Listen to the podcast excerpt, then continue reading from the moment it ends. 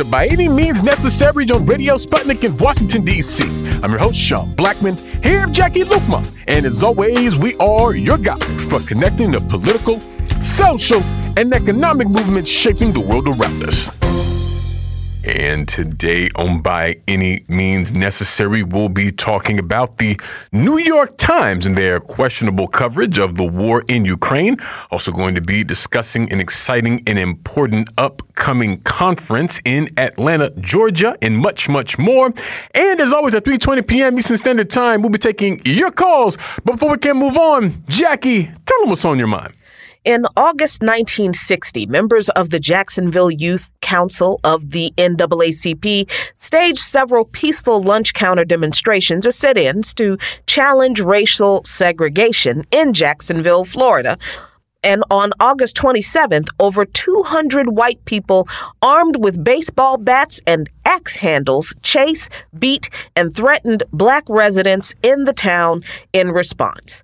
The attack began with white people spitting on the protesters and yelling racial slurs at them. And when the young demonstrators held their resolve at the lunch counter they were sitting in on that day, they were beaten with wooden handles that had not yet had metal axe heads attached. While the violence was first aimed at the lunch counter demonstrators, it quickly escalated to include any African American in sight of the white mob. Police stood idly by, watching the beatings until members of a black street gang called the Boomerangs tried to protect the black people who were being attacked. And of course, that's when the police stepped in and began attacking the Boomerangs and black citizens along with the white mob. It's believed that the Ku Klux Klan organized the violence of Axe Handle Saturday. 16 year old Rodney L. Hurst was president of the Jacksonville Youth Council and led the sit ins. And he said many times you couldn't draw a line between the Klan and law enforcement because law enforcement were at least accomplices to a lot of the things the Klan did. And while the events of Axe Handle Saturday were documented in Life magazine and newspapers from major cities across the country, reporters from the Jacksonville Times Union and the Jacksonville Journal were not allowed to cover the story. So it remained hidden in Jacksonville for decades. And this history is obviously important as just this past Saturday, a day before the anniversary of Axe Handle Saturday, three black people in Jacksonville, Florida were murdered by a white 21 year old man who authorities say left behind white supremacist ramblings at a vigil for the victims that was held on Sunday evening near the store where the massacre took place, Republican Governor Ron DeSantis, who is running for the GOP nomination for president on a platform of being a bigger and more overt racist than Donald Trump, was loudly booed as he addressed the vigil. But Ju'Coby Pittman, a Jacksonville City Councilwoman who is black and who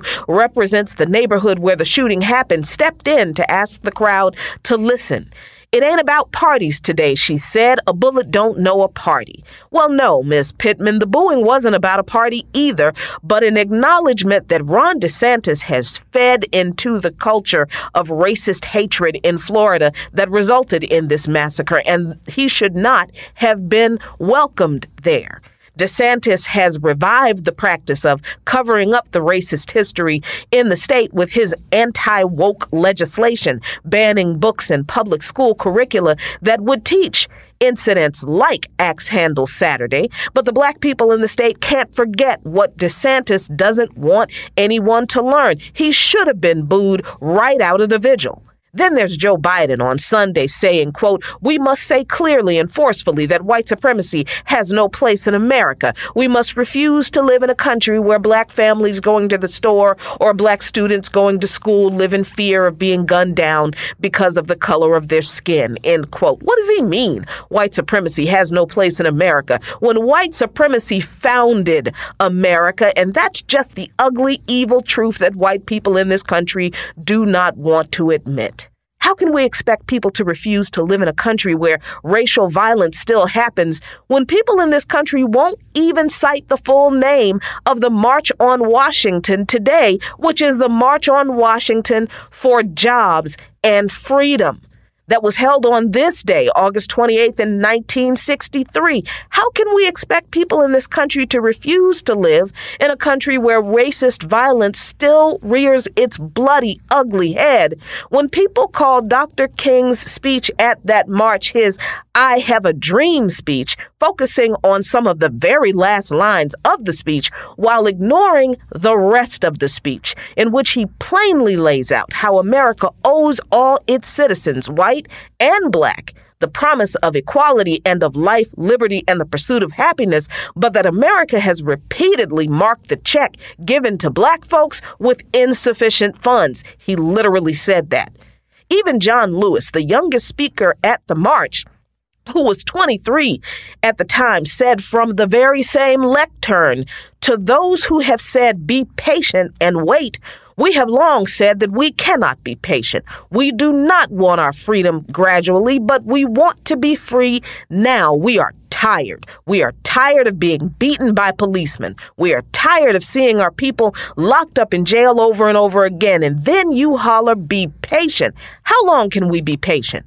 We want our freedom and we want it now. Well, guess what? We still want our freedom now. How are we going to shape America as a place where racism and racial violence are not tolerated when Ron DeSantis himself invoked the one line in King's speech that white conservatives love and probably the only one they know. You know, the part about little black children being judged by the content of their character and not the color of their skin, while signing his anti woke legislation that will be used to ban the books and lessons about what King actually did and said and why.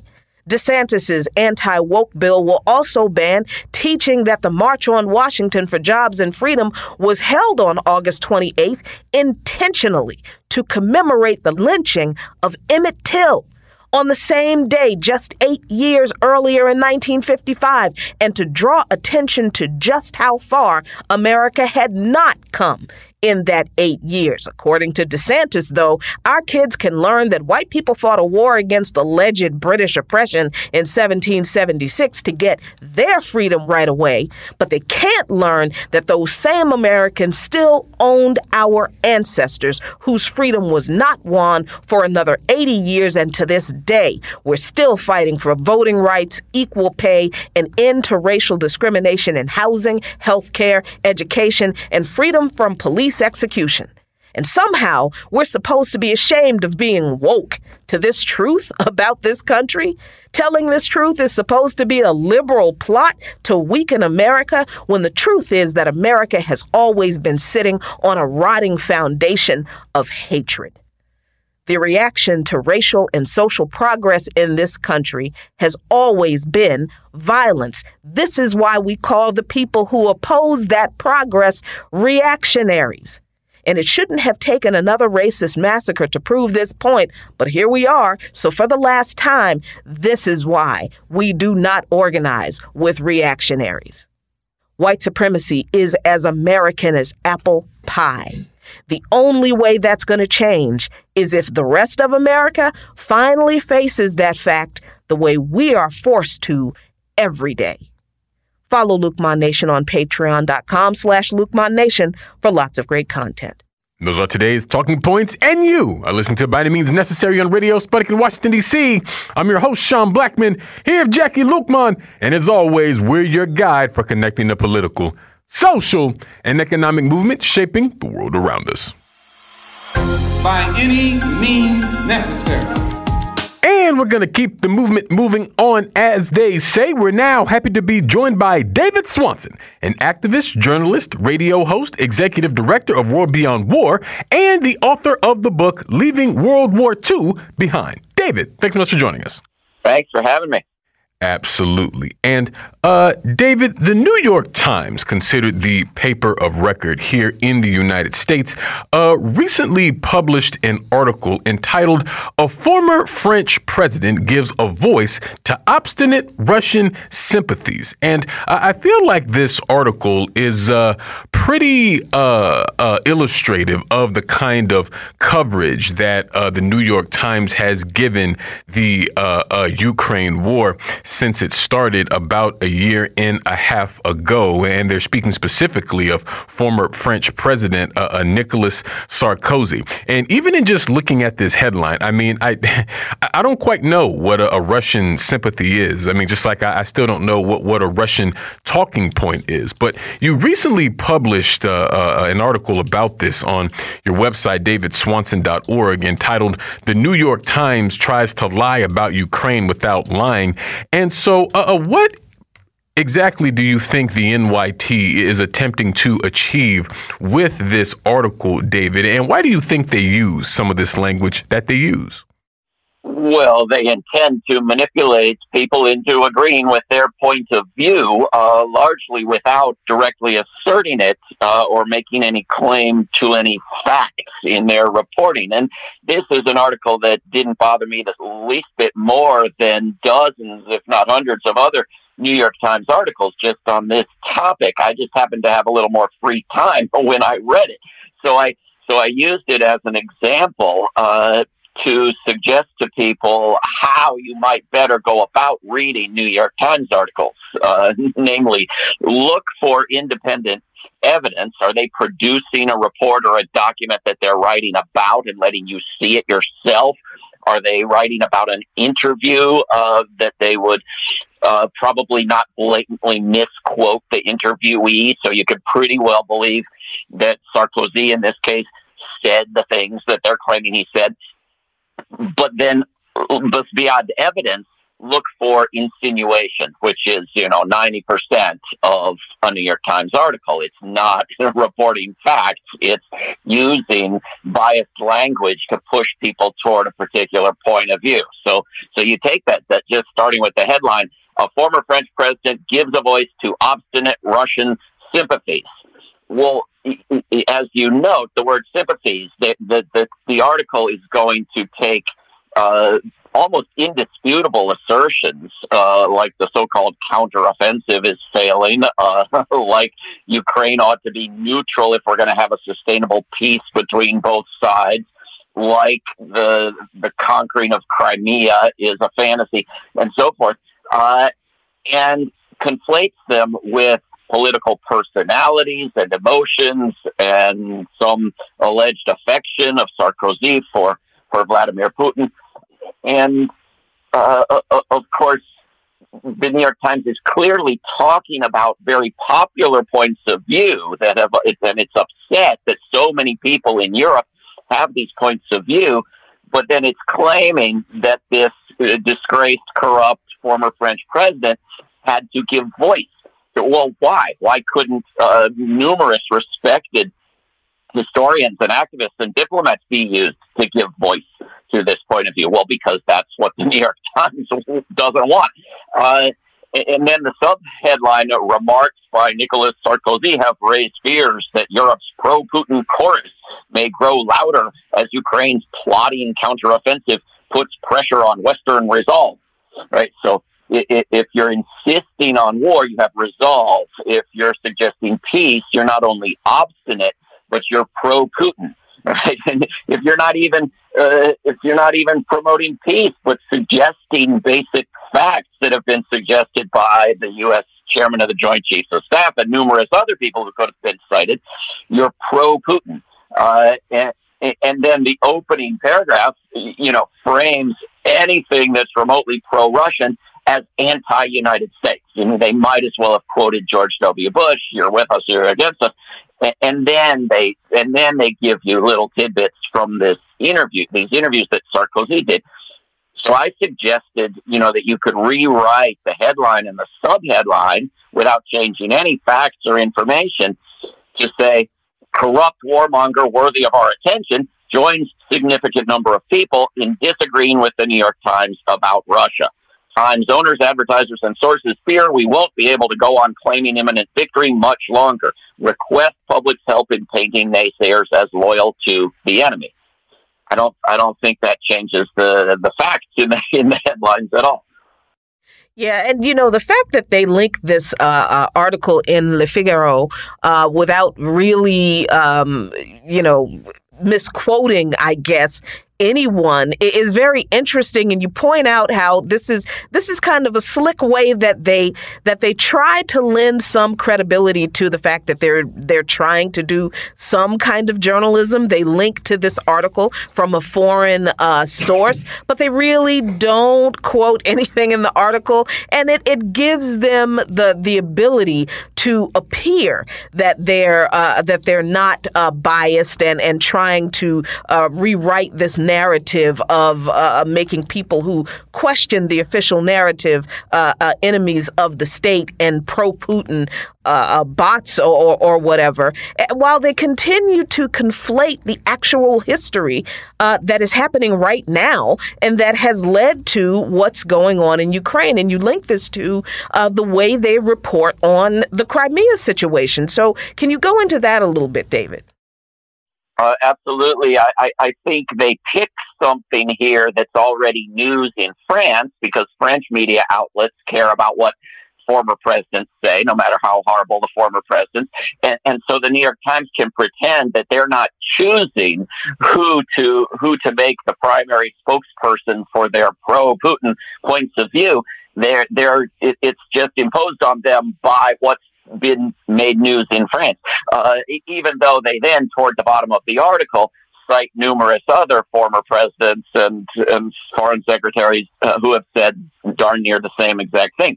Um, and I, I, note in my article that the New York Times can be expected to have standards. They're they're not likely to blatantly misquote a former president. Uh, they are likely to mislead their readers into horrible catastrophes, resulting in huge numbers of deaths, and they have apologized for doing just that around the war on Iraq.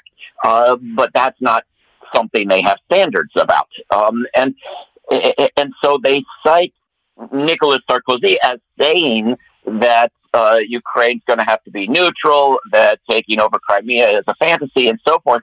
And then they don't state any evidence or facts one way or another. Are these things true? Are they false? Why are they true or false? They just move on to comments he's made about Vladimir Putin and conflate it all into, uh, you know, you, you're a Putin lover or a Putin hater. Uh, you know, these are your choices.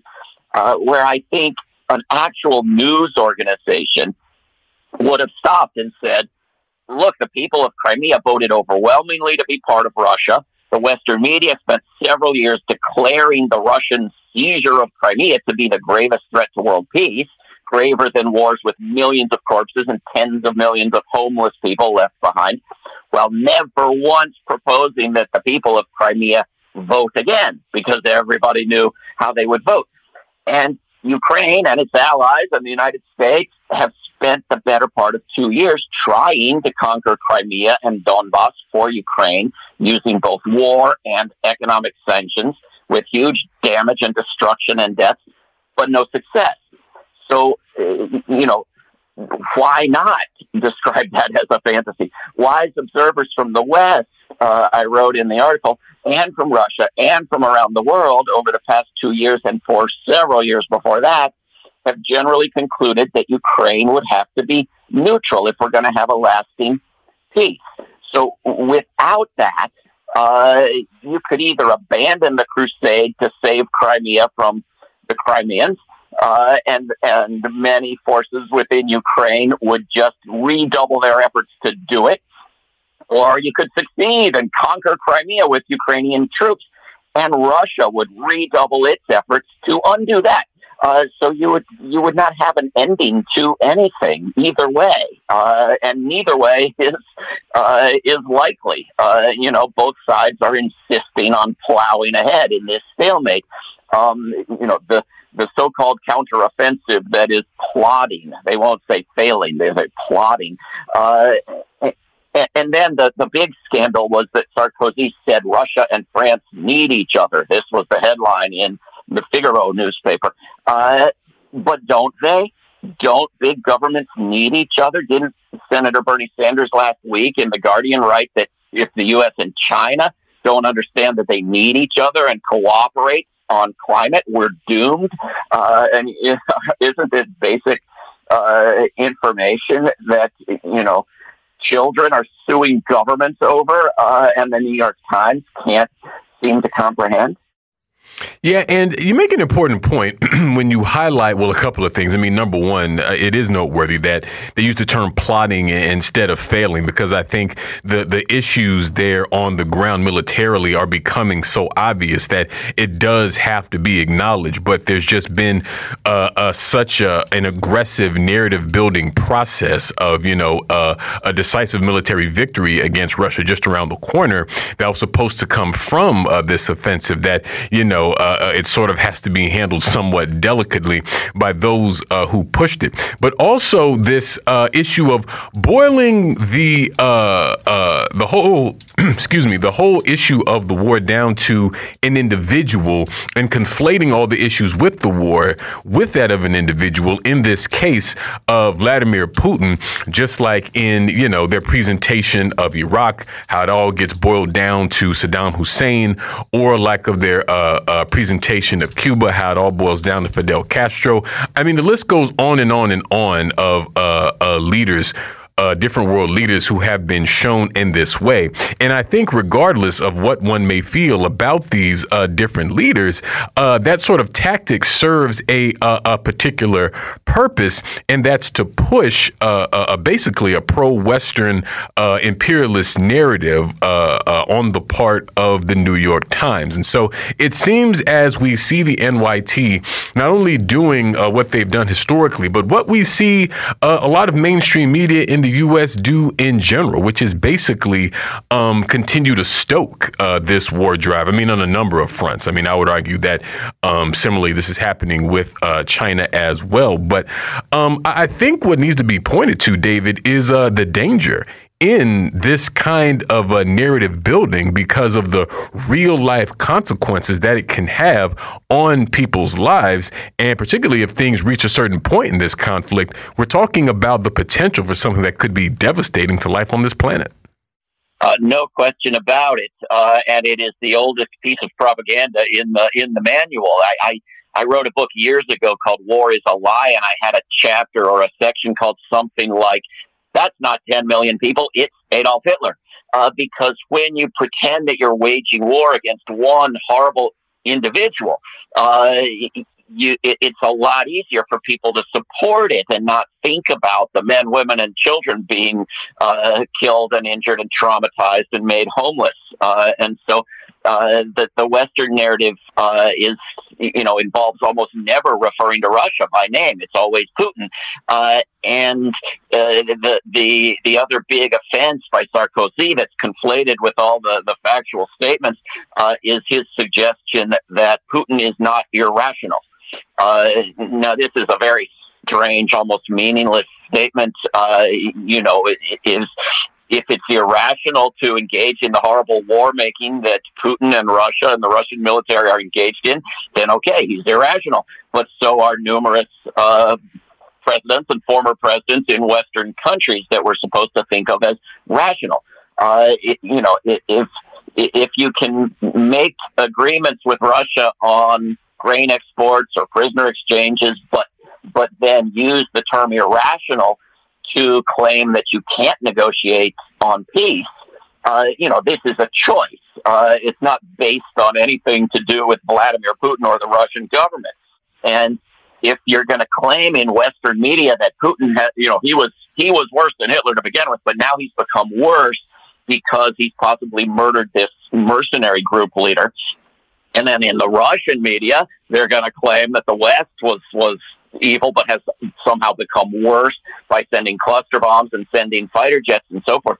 But but both sides ignore what the other side is, is saying, right? The New York Times won't tell you the U.S. government is getting worse because it's sending cluster bombs, and uh, and it's there, there's no point at which evil things that will even be criticized in the New York Times will add up to the New York Times opposing a war uh, you know, because the other side is evil. The your side is just making certain tactical blunders and mistakes and missteps that might fuel the other side's propaganda and so forth. Uh, and of course, the Russian media does the same thing for for the Russian war effort. Definitely. Well, we thank you so much, David, for joining us today. We're going to leave it there. We'll move to a break here on By Any Means Necessary on Radio Sputnik in Washington, D.C. We'll be right back, so please stay with us. by any means necessary.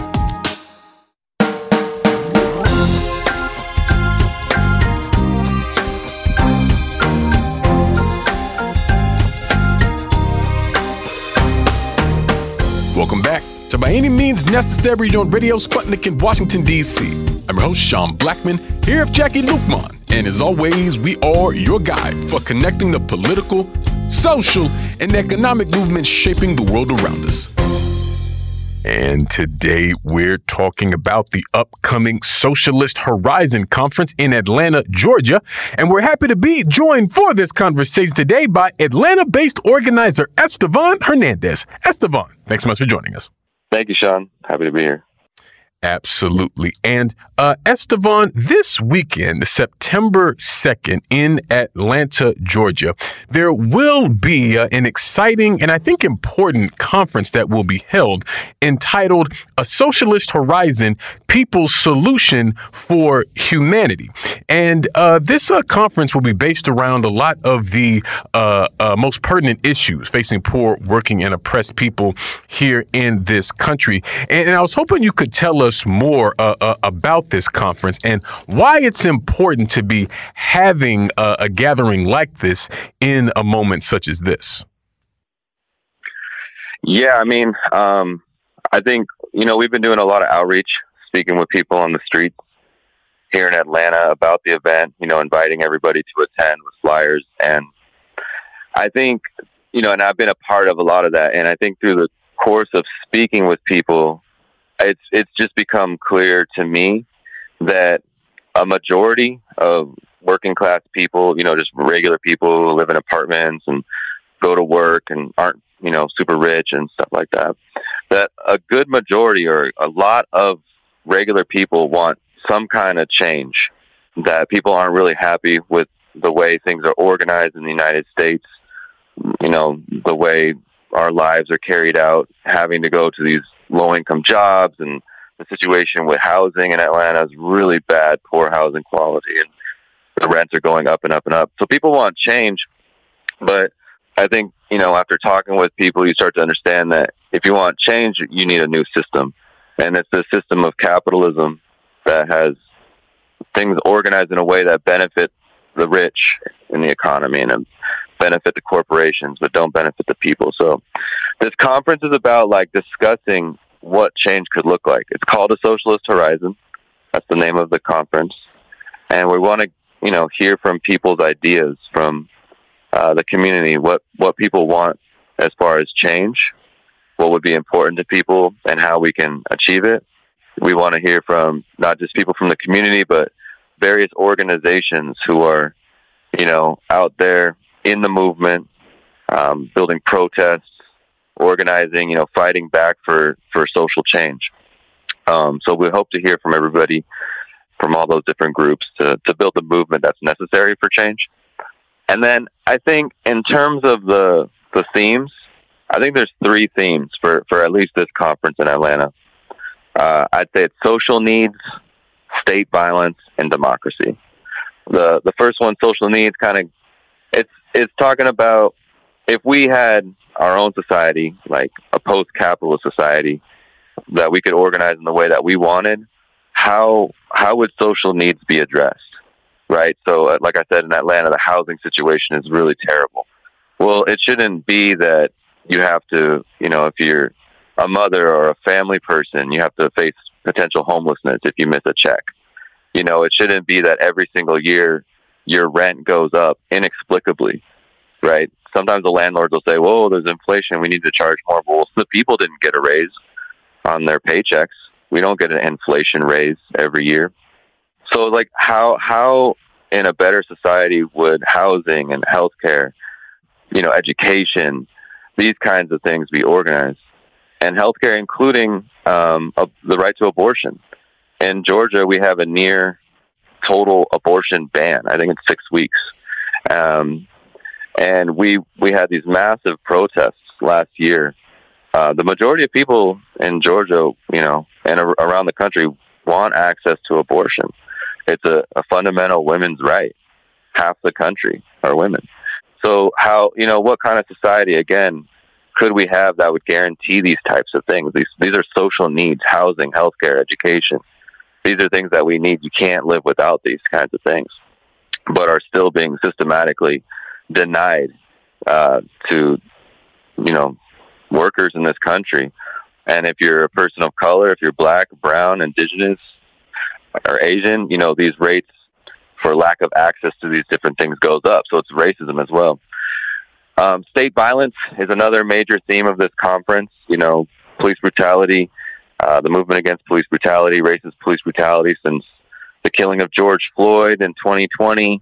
You know, this is a, a major thing that has kind of changed, you know, hundreds of thousands of people's minds in this country about what's going on. Um, and still, there's a lot of concern around these around these things. There was just this uh, racist shooting apparently in Jackson, Mississippi.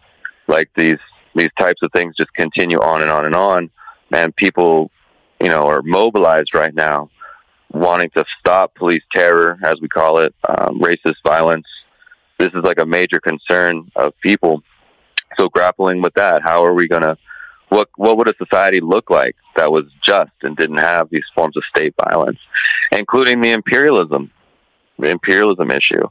Right now, the United States is trying to take us into, you know, this confrontation with China, which could even, you know, spark a, a potential war. God forbid, with this with this massive country.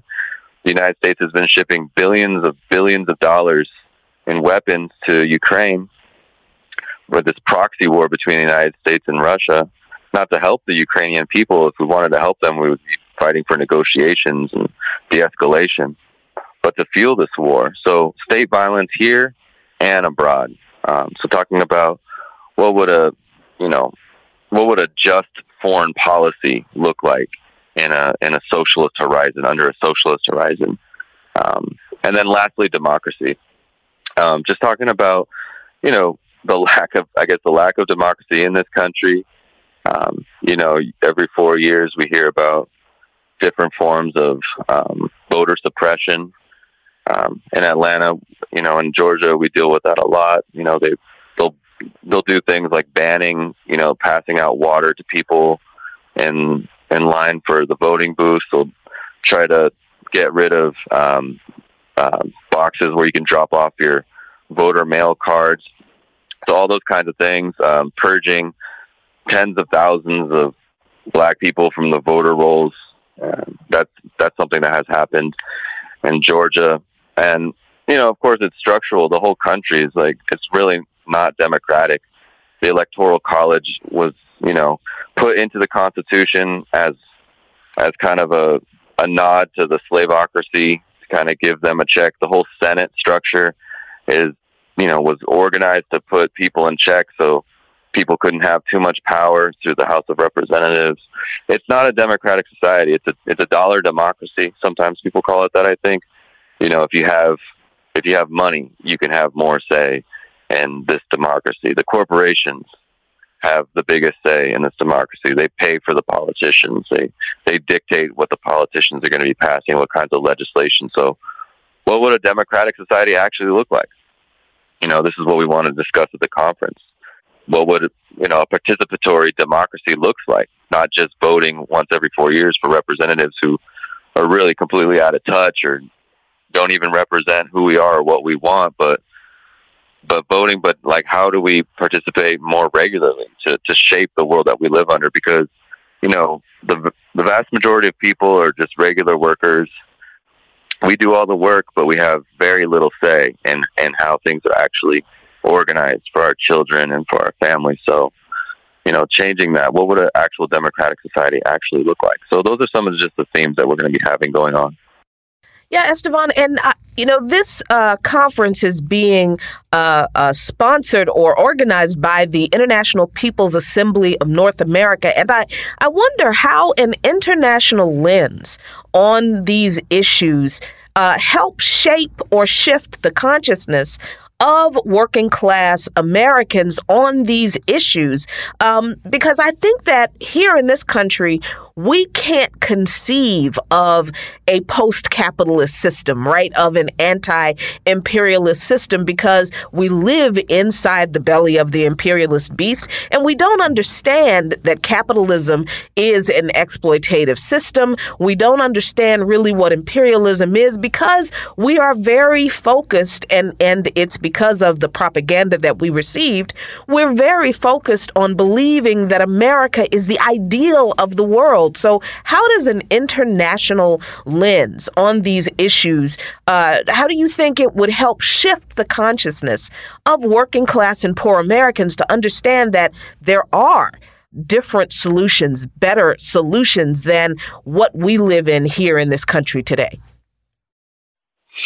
Yeah, that's a good point. I mean, this is a I should say that this is a comp this conference that's happening in Atlanta is a part of a series of conferences called the Dilemmas of Humanity. And it's going to be happening around the world. So we have a, a conference here for North America centered in Atlanta. Um, the the Latin America region of the International People's Assembly is going to be having their conference in Santiago, Chile. Um, there's a conference in Tunis. There's a conference in Kathmandu, Nepal.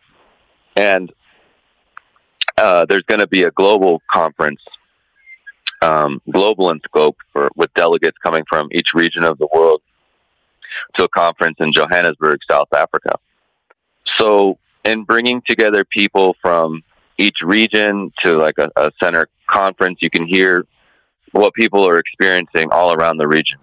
Um, geographically. So in Atlanta, we're going to be hearing from not just people here in Atlanta. I think the majority of the people will be from Georgia and, and the South, but we're going to be hearing from voices around the country and the region and comparing notes. You know, what, what are people facing in different parts of this region is, is extremely important. And each region will be doing that. And then, um, as you can imagine, coming together globally in Johannesburg talking about all the problems we face around the world, but what are the solutions that we've been discussing? So I think it's a really practical, uh, straightforward way of just getting together with social movements and fighters from around the world to discuss these problems. I mean, I think it's necessary because the problems we face are global issues. So, um, you know, climate change isn't just um, going to affect us here in the United States. It's it's affecting countries all around the world. Um, the greatest contributors to climate change um, are based in the United States and the so-called you know developed world. We we have so much to pay for you know all this the output of pollution from these corporations, but it but people are facing this all around the world. So it needs to be a global conversation. I think I think when you're in the United States, you know, we're in the, the belly of the beast, as they say. We're in we're in the, the center of world imperialism. And I think the world can look very different when when you're in the United States. I mean, a lot of us here are facing poverty and low wages and all these kinds of things. Um, but when you but when you get a glance of what imperialism has done to the world, it's it's absolutely outrageous and um, completely shocking. And I mean, if people have seen documentaries, you you probably have a sense of this. But imperialism has gone all around the world and just ravaged countries, killed millions of people in Iraq and you know different countries that we've invaded. And it's uh, underdeveloped countries. It's robbed countries in Africa and Asia and Latin America of all their resources sending it to Europe and the United States. Um, and this has left people um, poor, very, very poor all around the world. And none of this was done, you know, it's done supposedly in our name, but it really wasn't for us, people in the United States. We didn't benefit from this. It's the corporations, it's the billionaires, it's the bankers, it's the Pentagon, it's the war machine, it's the weapons manufacturers have, who have benefited from this world system. So I think if we're going to be successful in changing things here for us in the United States, we have to actually have that internationalist understanding. This is one worker struggle all around the world. If the corporations had their way, they would be pitting us against Mexican workers. You know, oh, Mexicans are coming to the United States to take our jobs. Well, that's completely inaccurate. You know, the the situation behind immigration was 100% caused by corporations that created economic conditions that have led to mass immigration in the first place. You know, um, they would have us, the major corporations would have us pit against Chinese workers, that this is some kind of competition between the Chinese worker and, and American workers. Well, that's completely false. I mean, China is just a develop, is still coming out of underdevelopment. It's, it, you know, it's developing its economy and it's not at the expense of American workers. That's just corporate, you know, that's just propaganda from the American government um, because China's rise they view as a threat to its own, to the United States hegemony and power around the world. So I think we just have to have that internationalist lens. And thankfully, organization like International People's Assembly is actually doing the work of bringing people and organizations together from around the world.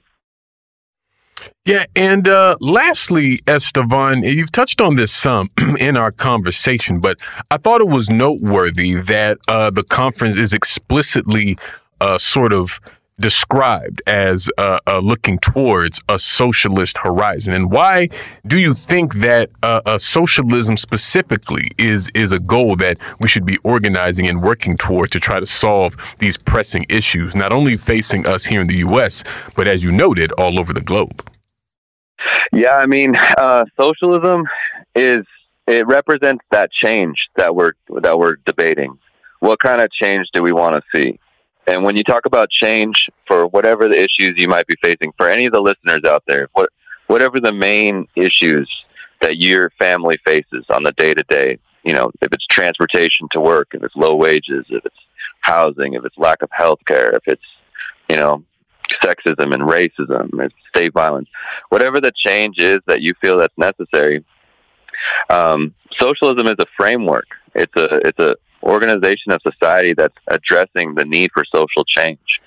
It takes the it takes the vast wealth that is currently concentrated into the hands of just a few, few, few people, a few ultra billionaire, ultra wealthy people. They have so much wealth, you know, so much money that they could never spend. And we're talking about the Jeff Bezos of the world. Um, but they have so much power because of this wealth. Socialism is about it's about taking the, the wealth out of the hands of just those few people and putting it into the hands of the people. Socialism is a framework. It's a framework for for freeing up the resources and putting political power back into the hands of the people so that we can talk about what kind of change we want. You know, obviously we want a war, uh, we want an end to war.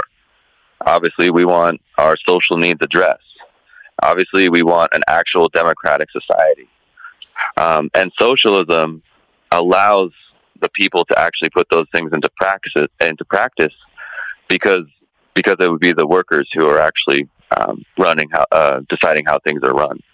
So um, it's it's broad. I think we want to hear from all the different groups about how they view socialism. I think we want to hear from all the different um, activists about how they how they view a socialist future or a just future, what that looks like, uh, and debate these kinds of things. Absolutely. And lastly, if people want to find out more information about the uh, Socialist Horizon Conference in Atlanta, Georgia, uh, where can they go? The website is socialisthorizon.org. Um, and you can follow the International People's Assembly on social media. Um, I'm a member of the Party for Socialism and Liberation as well. We're a member organization of the IPA. We're one of the many groups helping to put this together. So you can also follow us um, at PSL Atlanta um, to see more updates about the conference and to get involved.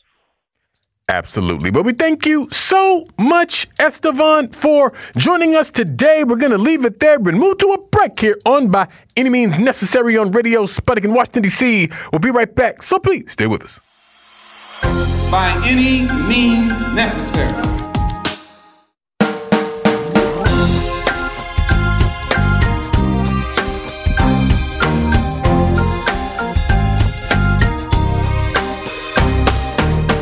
Welcome back By Any Means Necessary on Radio Sputnik in Washington, D.C. I'm your host, Sean Blackmon, here with Jacquie Luqman. And as always, we are your guide for connecting the political, social, and economic movements shaping the world around us. And today we're talking about some economic developments here in the U.S. And we're happy to be joined for this conversation today by Dr. Robert Hockett, Edward Cornell Professor of Law at Cornell University and Senior Counsel for Westwood Capital. Dr. Hockett, thanks so much for joining us. Hey, Sean. Hey, Jacquie. Great to be with you again. Thanks so much. Absolutely. And uh, Dr. Hockett, here recently, uh, Federal Reserve Chair Jerome Powell gave some uh, comments at an annual retreat in Jackson Hole, Wyoming at the uh, Kansas City Fed's annual retreat, um, where he said, quote, although inflation has moved down from its peak, a welcome development, it remains too high. We are prepared to raise rates further if appropriate and intend to hold policy at a restrictive level until we are confident that inflation is moving sustainably down toward our objective. And of course, this comes uh, not long after some already uh, uh, historically unprecedented uh, uh, raise in the rates here, Doctor. And I'm just sort of curious uh, what you make not only of Jerome Powell's comments, but uh, what you think this uh, tells us about the issue of inflation and uh, the U.S. economy. Yeah, I think it's it's basically good news, uh, Sean. Um, I think the easiest way maybe to kind of understand how best to interpret almost anything that the Fed chair says is to keep in mind that there are sort of two purposes uh, to every statement that the Fed chair ever makes. Uh, and that's irrespective of who holds the office. It was the same, it was just as true of Janet Yellen as it is of, of, uh, of uh, uh, Jay Powell. The, the two purposes are these. On the one hand, they're trying to communicate, you know, how the Fed actually sees things. They're trying to be at least somewhat transparent. And that's a straightforward enough uh, sort of motivation for these kinds of talks. Um, but the, the second purpose which is a little more subtle, is to sort of affect expectations with a view to either slowing or heating up the economy itself. In other words, the Fed understands that a lot of economic behavior and hence a lot of economic outcomes are based upon or flow at least in part from people's expectations of the future. Um, so that there's a sort of self fulfilling prophecy aspect to anybody's belief when it comes to how the markets as a whole are going to operate. And in the realm of inflation, such expectations are particularly important. They're so important that the phrase inflation expectations or inflationary expectations is itself a kind of term of art within the discipline of finance and monetary uh, economics. So you've got Powell on the one one hand, trying to exert a continuing downward pressure on inflation rates by molding expectations on the one hand, while also, of course, truthfully reporting what the Fed is thinking on the other hand. And sometimes that can be a difficult tightrope to walk. Keeping all of that in mind, I think you can sort of view Fed's, uh, I'm sorry, uh, Powell's uh, talk at, at uh, Jackson Hole last Friday as a sort of Goldilocks talk, right? He's sort of saying, look, on the one hand, inflation really is way down from where it was. And that's just a transparent truth, right? It was about 7% uh, this time last year, and now it's down to 3%, which is a, a real gain. And it also, I think, um, can, you know, gives people reason to sort of expect that the economy might not actually go into recession. And so it'll keep people kind of looking for jobs and investing in projects and the like. At the same time, he's reminding us all that they're still watching and they still want to bring the rate down even lower to their target rate of 2%. Um, and so by saying that, he's in effect sort of saying, look, everybody, please go ahead and be happy, go ahead and make investment plans and other sorts of plans. Let's keep this economy growing, but also, you know, don't go overboard. Don't think that you can, that there's no limit because we are still trying to fight the inflation dragon and we've still got a percentage point to go on that. Um, so we're ready to raise rates uh, whenever uh, we decide that it's necessary. A lot of the market participants right now are sort of reading that, that, that proverbial tea leaf as basically meaning that the Fed probably will not raise rates at its September uh, Federal Open Market meeting uh, next month, um, but that it might do so again in November or December, just depending on sort of where inflation goes between now and then. Yeah, and what something that uh, Powell said uh, is very interesting, and I'm hoping you can you can help us understand what he means. He says that doing too little could allow above target inflation to become entrenched and ultimately require monetary policy to wring more persistent inflation from the economy at a high cost to employment. He said doing too much could also do unnecessary harm to the economy. And of course, I'm focusing what he said about uh, uh, wringing more persistent inflation from the economy at a high cost to employment. What does he mean there? Well, he's sort of he's riffing on an old connection, or you might say like an old, um, uh, let's call it a correlation of the past that seems to have come at least partly undone. And this, of course, has lots of Fed people and monetary economists scratching their heads even to this day. So here's the idea: in the distant, in the not very distant past, even as recently as a couple of years ago, it has been, you know, it was assumed that there's essentially a trade-off between inflation and unemployment. That basically, if you lower unemployment, you're going to raise inflation. And if you lower inflation, you're going to raise unemployment. And this is exactly uh, what lay behind Larry Summers' somewhat notorious um, uh, recommendation a, a, bit over a year ago that you know we should seek a 10% unemployment rate for a year in order to get inflation back down, which of course would have meant a 20% black unemployment rate, a 15% Hispanic unemployment rate, and then a, a, about an 8 or 9% uh, white unemployment rate.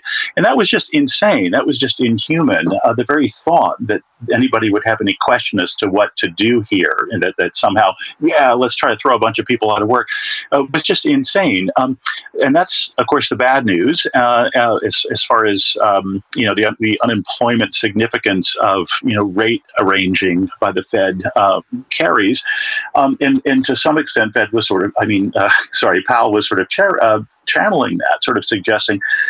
you know, we hope not to have to cause more unemployment in order to bring inflation down, but we're, you know, on top of it. Here's the good news. Um, I sort of alluded to this a moment ago.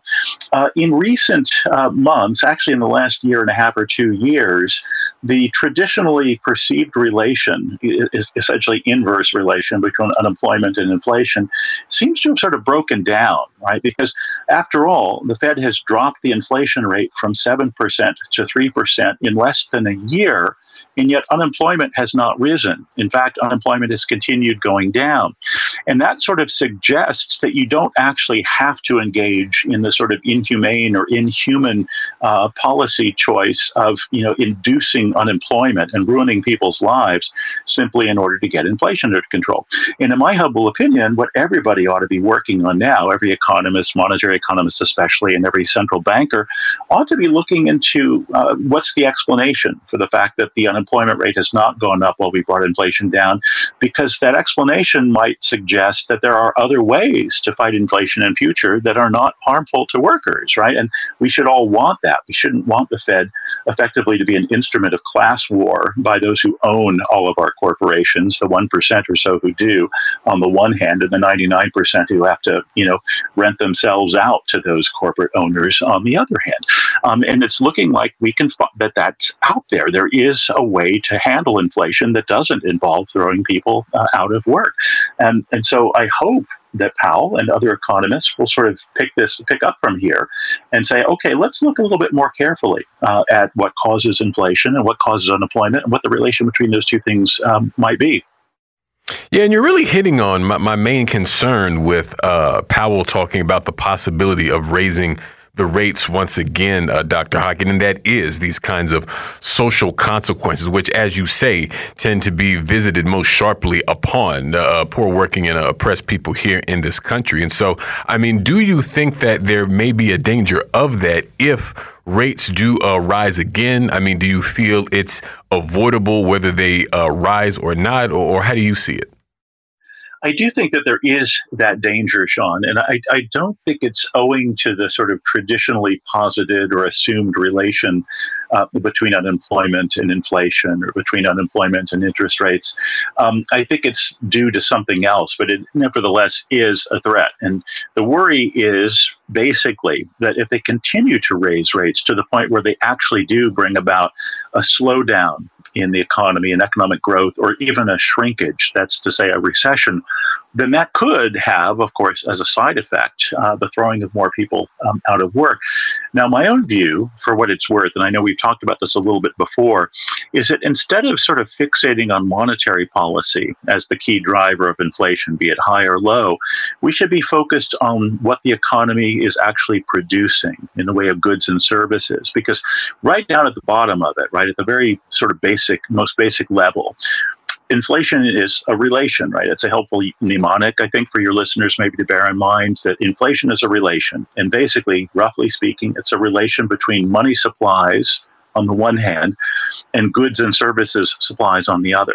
And if the economy isn't producing, and yet there's still money out there uh, being issued, then of course you're going to have you know a change in that balance, a change in that relation, more money and fewer goods, and that's of course uh, the layperson's definition of inflation is more and more money chasing fewer and fewer goods.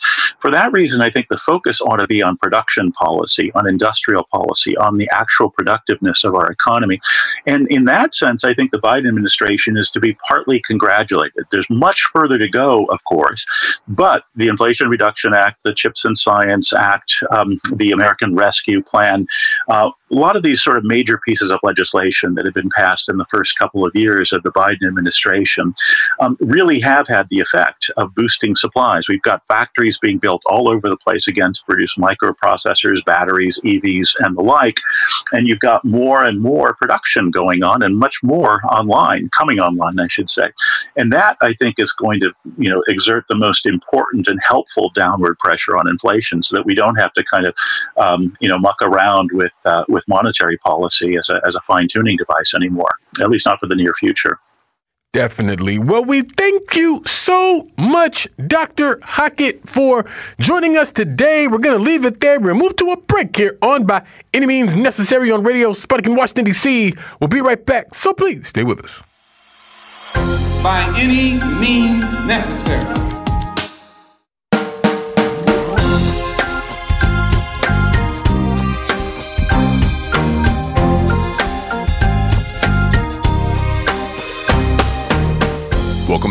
To By Any Means Necessary on Radio Sputnik in Washington, D.C.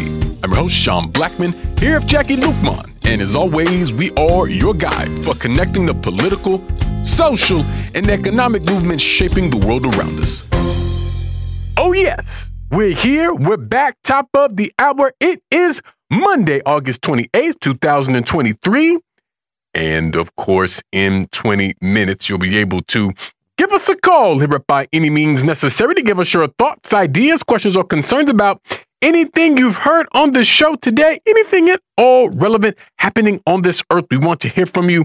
That's not the only way that folks can get in touch with us here on the show. And if you would please, Jacquie, let the folks know how they can holler at us. That's right, Sean. There are so many ways for our allies, accomplices, and comrades, that's y'all, to reach out and touch us here at By Any Means Necessary in Washington, D.C. You can do that at 3.20 p.m. Eastern Time by calling us at 202-521-1320. That's 202-521-1320. But you can also listen to our show live on your radio dial at 105.5 FM and 1390 AM in the Washington, D.C. area from 2 to 4 p.m. Eastern Time each weekday. And shout out to our friends over in Kansas City, Missouri, listening to us right now on 102.9 FM, 104.7 FM, and 1140 AM. But did you know you can listen to our shows at SputnikNews.com slash radio? Scroll on down the page and click on By Any Means Necessary. And guess what? We're streaming for your viewing pleasure on Rumble right now at rumble.com slash C slash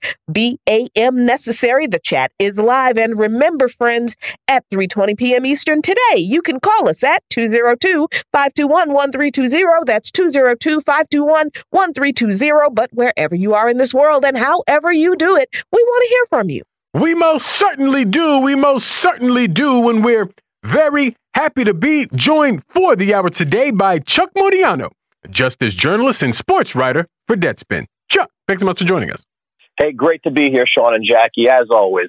Absolutely, and great to have you as always, Chuck. And uh, Senator Bernie Sanders has uh, recently been going on television and uh, encouraging progressives and left types in the U.S. to support uh, incumbent U.S. President Joe Biden in the 2024 election in order to stop another Donald Trump presidency.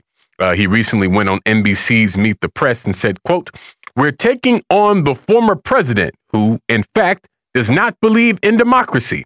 He is an authoritarian and a very, very dangerous man. I think at this moment there has to be unification of progressive people in general in all of this country. And, uh, you know, this uh, prompted a response from uh, uh Bernie Sanders' friend, uh, Dr. Cornel West, who is, of course, running as a, a candidate for the Green Party in 2024. And uh, he said that Sanders was doing this because he's, quote, fearful of the neo fascism of Trump.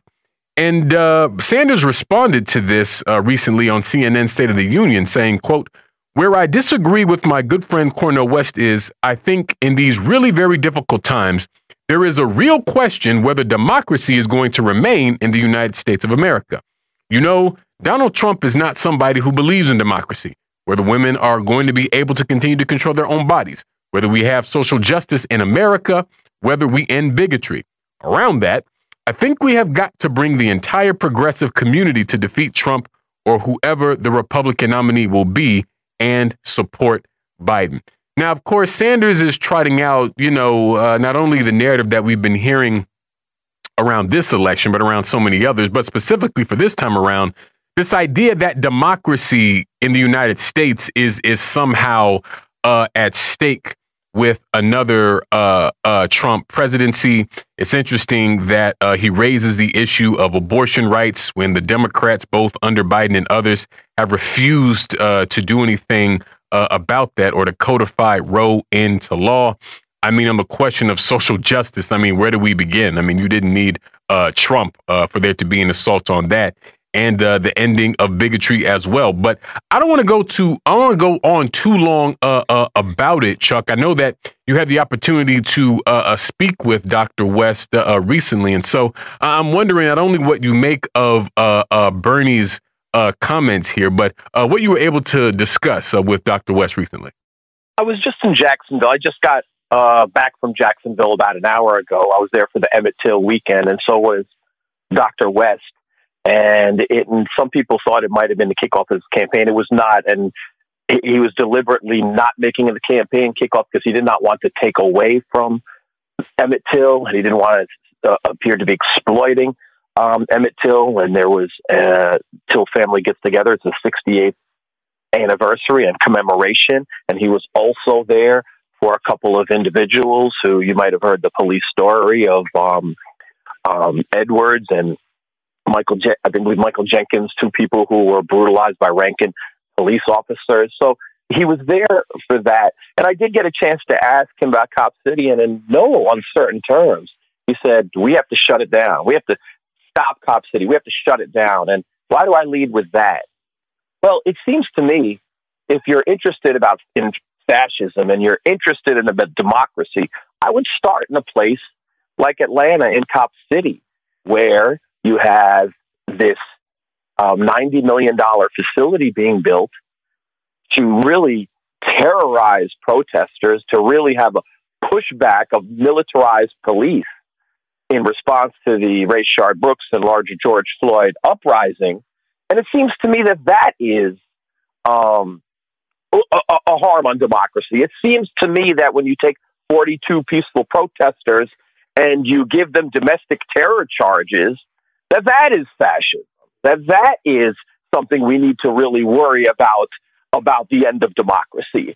It seems to me when uh, you Tortuguita has 57 bullet holes uh, you have that's a, a threat against democracy. It seems to me when you have a military budget that keeps expanding under Biden to the point of potential World War III and even nuclear war closer than the the Cuban Missile Crisis, that that is uh, fascism and the end of democracy at an incredible level. It seems to me that when that same military is the number one polluter and we can't even have an honest discussion about climate change because one party says it doesn't exist and the other party says the military contribution doesn't exist by ignoring it.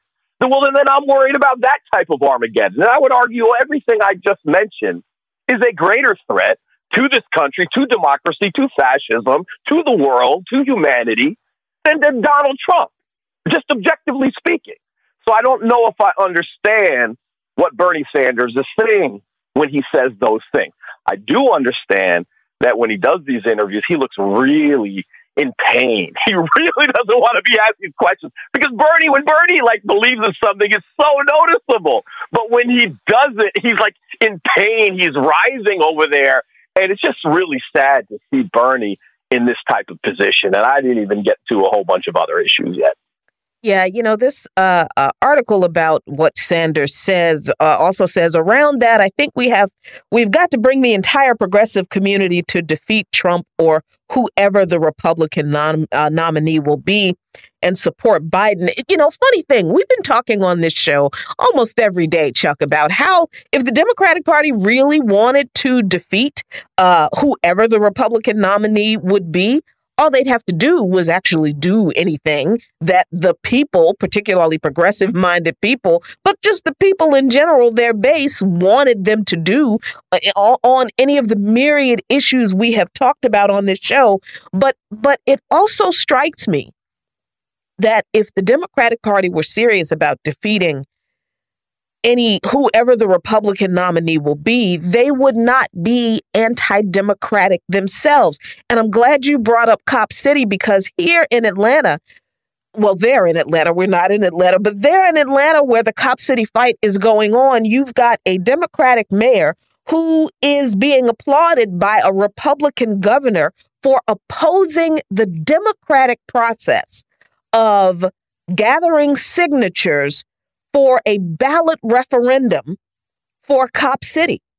And so so the Democratic mayor down there in, in Atlanta is trying to stop in court in any way he can the ballot referendum process that organizers followed the law and the procedures to to get as more signatures than they needed to get the cop city on the ballot for the people to vote for. And now you've got Brian Kemp celebrating the fact that this process that's supposed to be democratic now is being stopped by a democratic mayor. If if the Democrats were really serious about democracy and if they cared about democracy and believed in it, why are they still su- suing to keep third parties off of the ballot in uh, states around the country? They're trying to keep now the no labels Party off the ballot. They've sued to keep the Green Party off the ballot in several places and are doing it again. I mean, so so this idea that the Democratic Party uh, and Biden believes in democracy more than the Republicans do.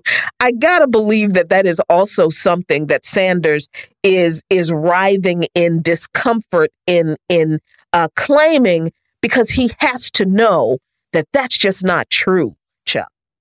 I mean, of course he knows, and I want to know who's threatened his children or something like that. Maybe because it's getting to that point. You know, it's getting to the point, the, the flip, and that he obviously doesn't believe in these things it's not quite as as Trump controlling Lindsey Graham because that was like shameful or Rubio flipping. I don't know what Trump did to Rubio and Lindsey Graham to make them say whatever he wanted, but we're we're we're on that path. We're getting there, and it's sad to watch because unlike those other people I mentioned, Bernie does come with some credibility. Bernie does come with some authenticity, and we know what he believes because he's been steadfast for thirty years. So to be steadfast for thirty years and now to watch it, it's really really sad and pathetic, but I think it goes to show that we have to make sure that we stay focused on policy, not people. Okay, I, have been accused in the past. You're part of a cult. No, I'm not part of a cult. If you move on the policy, then we move from you. We will leave from you if you move towards bad policy. And I think the Atlanta example that you mentioned, Jacquie, is, is critical because there's not a better example in America because you do have Brian Kemp and the local Atlanta leadership, Democratic leadership, and also black leadership that, that claims the civil rights movement, that, that invokes Dr. King, but then agreeing with Brian Kemp policy on the opposite of what Dr. King would do. And we, it's a big problem and talks about Trump suppressing votes and the Republicans suppressing votes, which is all is true. It's absolutely true that accusation, but then go ahead and do the same exact thing when it serves them. So when we look at the Atlanta um, process, you know, just in folks, in case everyone doesn't know, they're in the middle of trying to get a referendum on the ballot. They were able to get over 75,000 signatures, a 100,000 signatures. So what are they doing? They're analyzing for matches. Isn't that what uh, what um, the Republicans have done? They're trying to throw out signatures. What else did they do? They said they filed a legal motion that should there be a referendum in November and should the people of Atlanta vote against having this cop city, then that they would try to nullify that legally. At every step of the way, they are anti democratic and exactly like Trumpians and, and Trumpers that they denounce. So, what does that tell you? Yeah, definitely. And I mean, it's pretty wild to accuse someone of uh, being in a cult or engaging in cult like behavior because they point out uh, the issues of the political status quo and refuse to engage uh, in a particular way and prefer an alternative when in reality it's that side that you know if uh, uh, you say that you won't vote democrat or you won't vote for biden i mean you can be accused of uh, being an agent of a foreign power. Uh, you can be accused of being an enemy or a hater of democracy in general.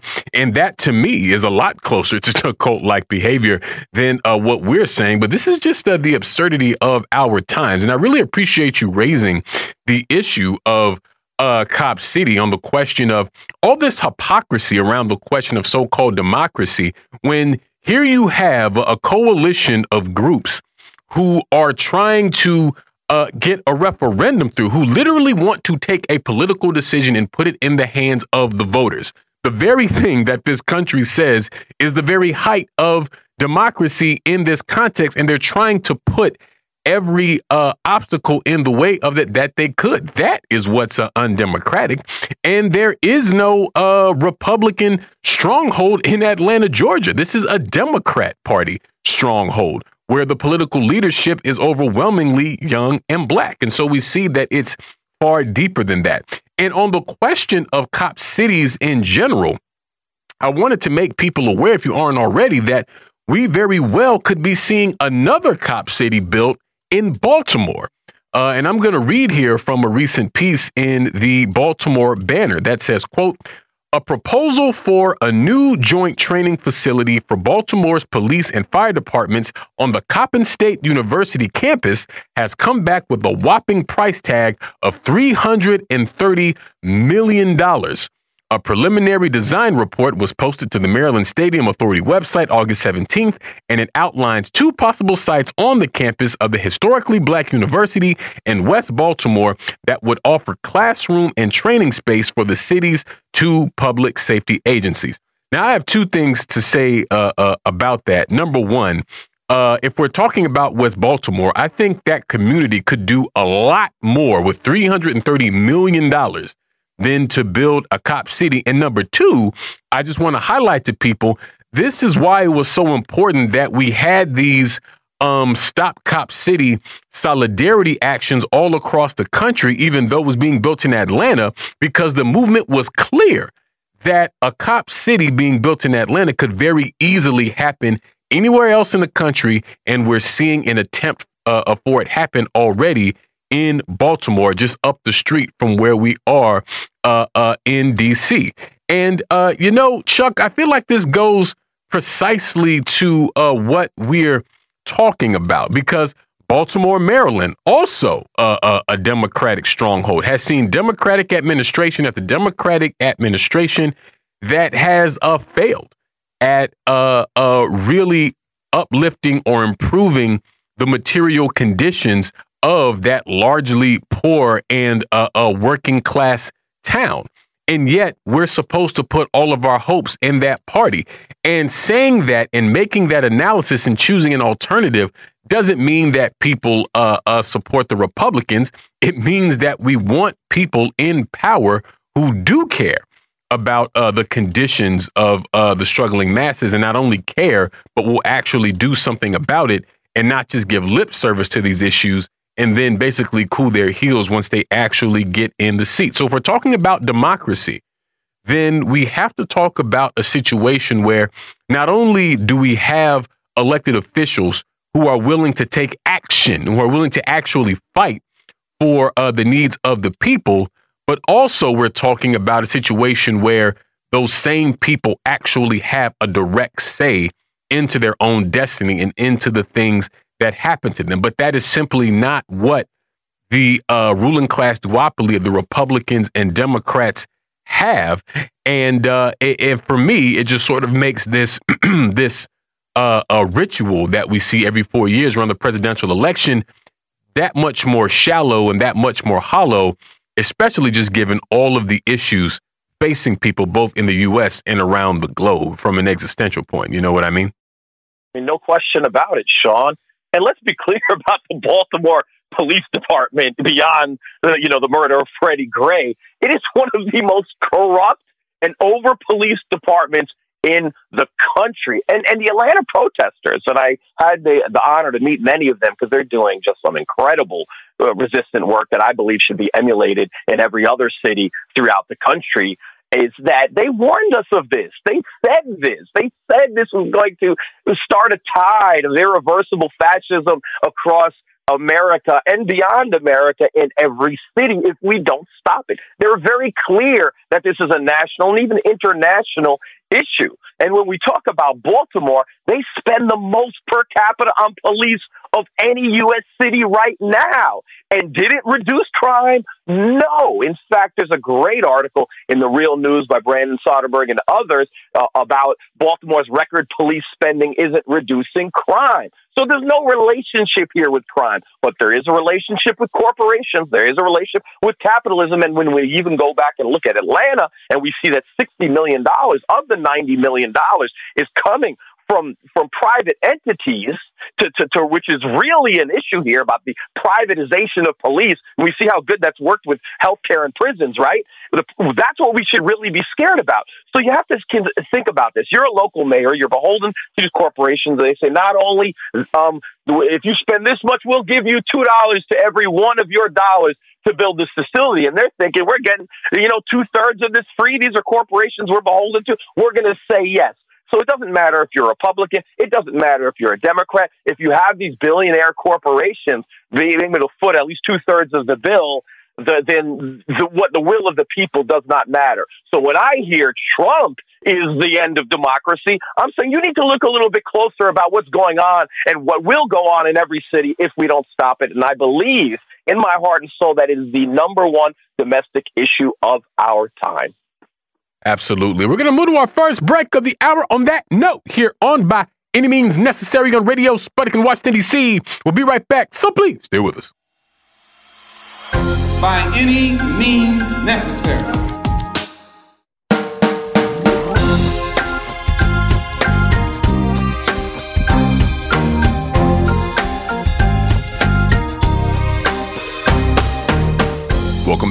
To By Any Means Necessary on Radio Sputnik in Washington, D.C.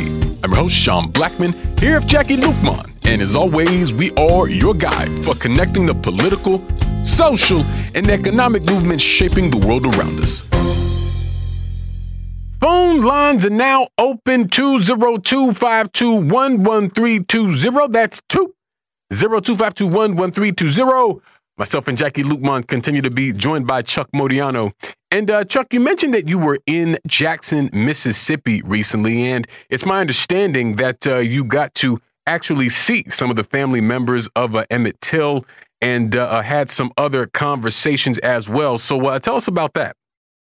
Yeah, you know, I, Deborah Watts, who I've met before here in D.C., um, she was hosting a sort of a private event and showing the Till movie, and I, and many people saw it. I had not seen it, and I really liked it because it, I think more than any other film, it honored Mamie Till and her um, contribution and, and and shaping the media narrative at that time, which is really important. So, um, I think it was a wonderful commemor- commemoration, and let me tell you why I believe that. And in these conversations throughout the weekend, is that the Till family and they're different members of the Till family, but the Till family has always seen the connection, not in ancient history, but connected to police violence today. And people might say, well, it's just white supremacist violence similar to, you know, what happened in Jacksonville. But no, it's actually police violence because there's been police neglect at every step of the way. We know about the police um, helping out, you know, uh, the, the perpetrators back then, but that's been going on for 67 years. I got to speak to the individual who discovered the arrest warrant 67 years later of Carolyn Bryant, the third murderer, the third person who should have been in jail before she just recently passed away. Imagine finding that. So for me, it was exciting to speak. I was like, well, how did you feel? How did you feel when you, you saw it on the ground? They, they allotted three days to look for this arrest warrant that was sitting there. They ended up finding an hour and a half. And the, the, the, the man who found it, Deborah Watson, now don't go look over there. That's where the juvenile cases are. And he said, I felt the spirit to go look there anyway. And they, they found it and it was there the whole time. And what did it say on the back of that warrant? One of the reasons they didn't arrest Carolyn Bryant is that they said, well, she had kids. So as Deborah Watson, said, Mamie Till had kids too. And, and Emmett Till ended up dead. So we have to understand that this is not ancient history, that up to this very day, there was nothing done about Carolyn Bryant before she died. And I had another individual um, explain to me that I don't have any love for Biden's statues that are going on because they he had an opportunity with DOJ to see if they could prosecute Carolyn Bryant before she died, and with many attempts and did not. They gave him the statue. They didn't try to reopen the investigation to get her in jail. So her, the Biden's response was similar to Mississippi's response, not in 1955, but in 2023. Wow, that that's I mean it, it's amazing that you met the person who found that affidavit uh, uh, or or that that uh, arrest warrant and and discovering what was written on the back the fact that Carolyn Bryant had kids and that just I just really think that exposes the disconnect in the most in in the most obvious but also gut-wrenching way that every aspect of the law enforcement system. We're not even talking like prosecutors at, at this point. We're talking the cops. Like this was their arrest warrant. And someone wrote on the back of that piece of paper, well, we can't arrest her because she had kids in a case in which her husband at the time and their friends murdered someone else's child. And and I'm wondering, Chuck, how you see this commemoration of the 68th anniversary of the murder, the racist murder of Emmett Till, obviously with uh, in in the context of what happened in Jacksonville, Florida, and in the context of the anniversary of the, the, I think it's the 60th anniversary of the March on Washington for Jobs and Freedom because I don't know Axe Handle Saturday that that was also uh, uh, the uh, commemoration this past uh, uh, Saturday, I think on the 27th or Sunday, actually.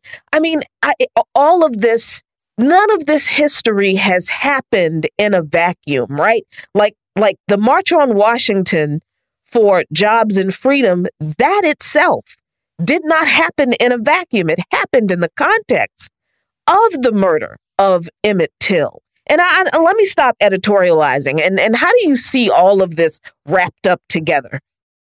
It, it's so intertwined. Um, Jacksonville certainly, um, Emmett Till, and I want to add something else because it was really part of the weekend. Um, the the two individuals, Michael Corey Jenkins and Eddie Parker, who were in Rankin, um, Mississippi, not not far, and that six officers were finally the first time any white officers were ever convicted. These six officers when you might have heard the story. I'm not going to get too graphic, but they they shot uh, one of the men in, in the mouth. They shot Michael Corey Jenkins in the mouth. They were tortured for two hours. You want to go find out? I'm not going to pull give you all the torture. You want to go find online, and you can do so. And there's a sentencing November 14th. So a lot of the people were calling for this people to come for the sentencing to pack that courtroom because we've learned just because someone was convicted doesn't mean they could get any type of serious sentence, and particularly in Mississippi as well. And so what I learned is that even in, let me start with Mississippi, not much has changed. I had a long dialogue with Priscilla Till, another cousin, and I was amazed at this. And I'm going to be posting a lot of this on video. I just haven't gotten to it yet. But I had these these conversations, and what she was telling me was part of the problem in Mississippi. And you say you see a Cindy Hyde, a Smith, who's just blatantly white supremacists and racists get elected, is that they know in Mississippi who you vote for. They could find out. And what she was explaining to me, and something I hadn't really thought of or knew, was that there are a lot of white people who could be potential allies who don't like a Cindy Hyde Smith, but they risk their job, they risk their career because they can go find out others in the system will find out who they voted for and be confronted and have real repercussions of them and their family. And that up to the, to really having this conversation with um, Priscilla Till, you know, we I was just thought, well, we just have to convince white people to just be um, um, less racist or whatever. And it's deeper than that. It's deeper than that. Just like Jim Crow in the 60s, they're facing threats. Um, and, and maybe it's not a, as much lynching as it was, though that's still in play, obviously, particularly talk about Rasheem Carter, who we talked about, look that up. But also, white people risk their jobs, their careers, and their families and their status should they break away from voting racist. And, and I hadn't had that discussion before, but she was like, Of course. Yes, it even happened to me. And she gave me a personal example when she voted against someone she was confronted of someone she said she'd vote for. And so I don't know if there's been a lot of discussion on this or knowledge of this, but she says this actually is how the South is is still controlled in many ways.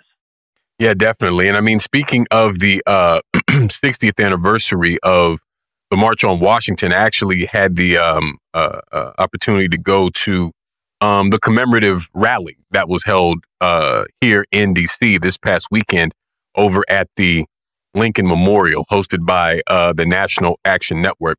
And I did a couple of interviews, and you know, I was speaking with people about, you know, uh, what is the relevance of uh, the March on Washington today you know, uh, uh, the fact that this was a march for jobs and freedom and how people felt about the economy and things like that. Also asked about uh, people's thoughts on, you know, militarism and Dr. King's anti-war politics and how they see a resonance for that for today. And the responses there were pretty interesting because, you know, you had your people uh, who were, I mean, generally pretty uh, supportive of, you know, the uh, you know, what we could call the, the defense budget and things like that and feels that it's justified. Uh, we talked to people who felt that it was basically fine, but that some of it could be used for uh, social issues. And then you talk to people who uh, who think that um, a lot of that money uh, could uh, be going to uh, uh, social issues and things like that. So it's interesting to sort of note some of the differences in consciousness and and opinions of that. But when we talk about you know, the March on Washington for Jobs and Freedom, and we talk about uh, Martin Luther King. Uh, I mean, Jacquie was speaking to this in, in her monologue for the show today. I mean, we're talking about someone who was very clear about uh, the contradictions of uh, uh, capitalism. Matter of fact, we spoke with an older gentleman who very explicitly raised uh, the triple evils of racism, economic exploitation, and war, and all of these sorts of things. And all of that is not only relevant uh, today. But I think it could be argued that a lot of these issues are worse because now we're in a time of a capitalist decline where all of these uh, contradictions are intensifying more and more and being visited upon the heads of uh, uh, uh Emmett Till. Excuse me, uh, upon the heads of uh, poor and working people. The reason I raise Emmett Till is since you were recently in uh, Jackson for this commemoration, Chuck, and as someone who has been on the ground for uh, a, a, lot of these uh, relevant social movements and demonstrations, I mean, there have been a lot of uh, comparisons to uh, Mike Brown, for instance, and Emmett Till in terms of just this kind of wanton uh, racist terror. And so I'm just wondering how all of that sort of uh, sits with you as we mark the anniversary here. It aligns perfectly. Let me tell you where I met Deborah Watts. It was in D.C. in the March on Washington two years ago. Except here's the difference. Deborah Watts wasn't speaking on the main lawn. And, and I'm not knocking people speaking on the main lawn. You can have some great speakers you agree with, and some, you know, maybe just doing politics. But two years ago, there was an incredible scene of 200 impacted families. When we say impacted families, 90% impacted by police violence. They lost their children. And what was incredible is I just knew someone and they said, Are you, are you coming?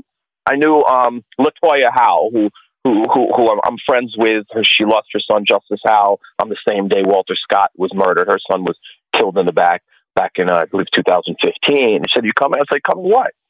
And she tells me, I'm like, You're telling me 200 families are coming down and I don't know about it? How is this possible? So I go there and it's incredible. There's no media there. This March on Washington weekend, they were on a different part of the lawn. No question. No one wanted had to have anything to do with these 200 family members who are talking about their children and went on hours. I said, I'm covering this. I didn't have enough time to interview much more than, you know, 10 or 12 people. We should have had a team of people interviewing. CNN wasn't there. MSNBC wasn't there. They were disposable. But Deborah Watts was there. And at that time, Carolyn Bryant was still alive and she was still fighting.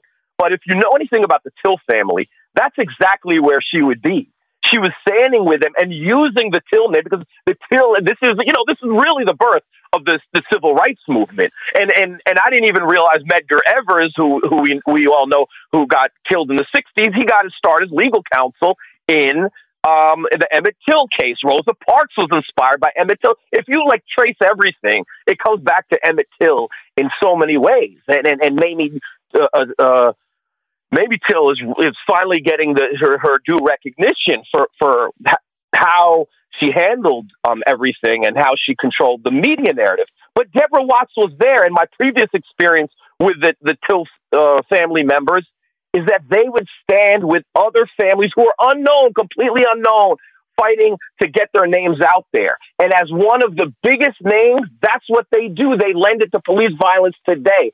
So if, if the Till family themselves are connecting their struggle for 67 years later to police violence today, then I think the rest of us could take that cue. Yeah, that that is absolutely true. And you know, of course, all of this coincide uh, this you know these commemorations coincided with this this horrible shooting in Florida and aside from obviously Ron DeSantis uh, needing to have been booed away from that vigil in uh, uh, Jacksonville, Florida, there was Joe Biden's comments uh, in which he said that white supremacy has no place in America after uh, the shooting. And and you know, I'm sorry. No, I'm not. I'm not sorry.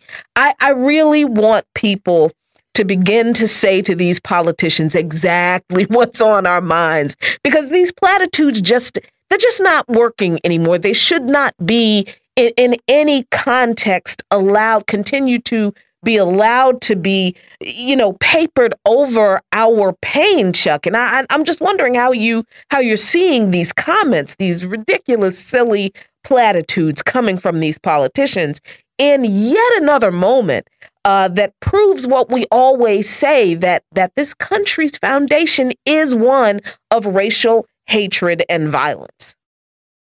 It's absolutely one of racial hatred and violence. You know, we have the what about Chicago people everywhere? Go away, please go away.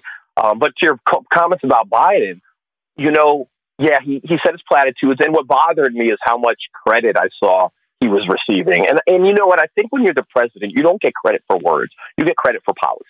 I think that's what the problem with a lot of establishment Democrats are. Like we don't need words. Go to you want words? Go to your pastor or something like that. Go go somewhere else. A politician is supposed to have policy.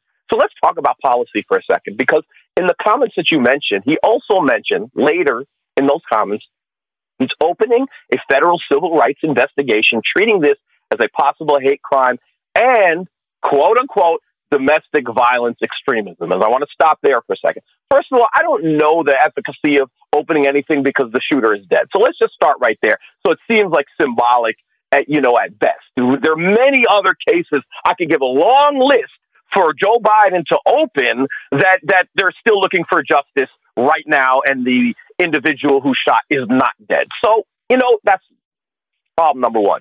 But let's talk about domestic violence extremism. I get frightened when I hear those words.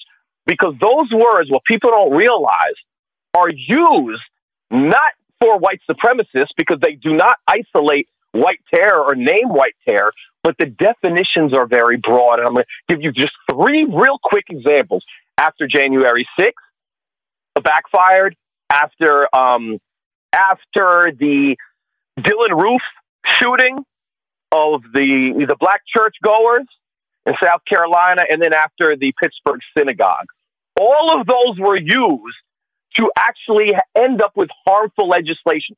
So after January 6th, what did Joe Biden do? They put out a bulletin three weeks later.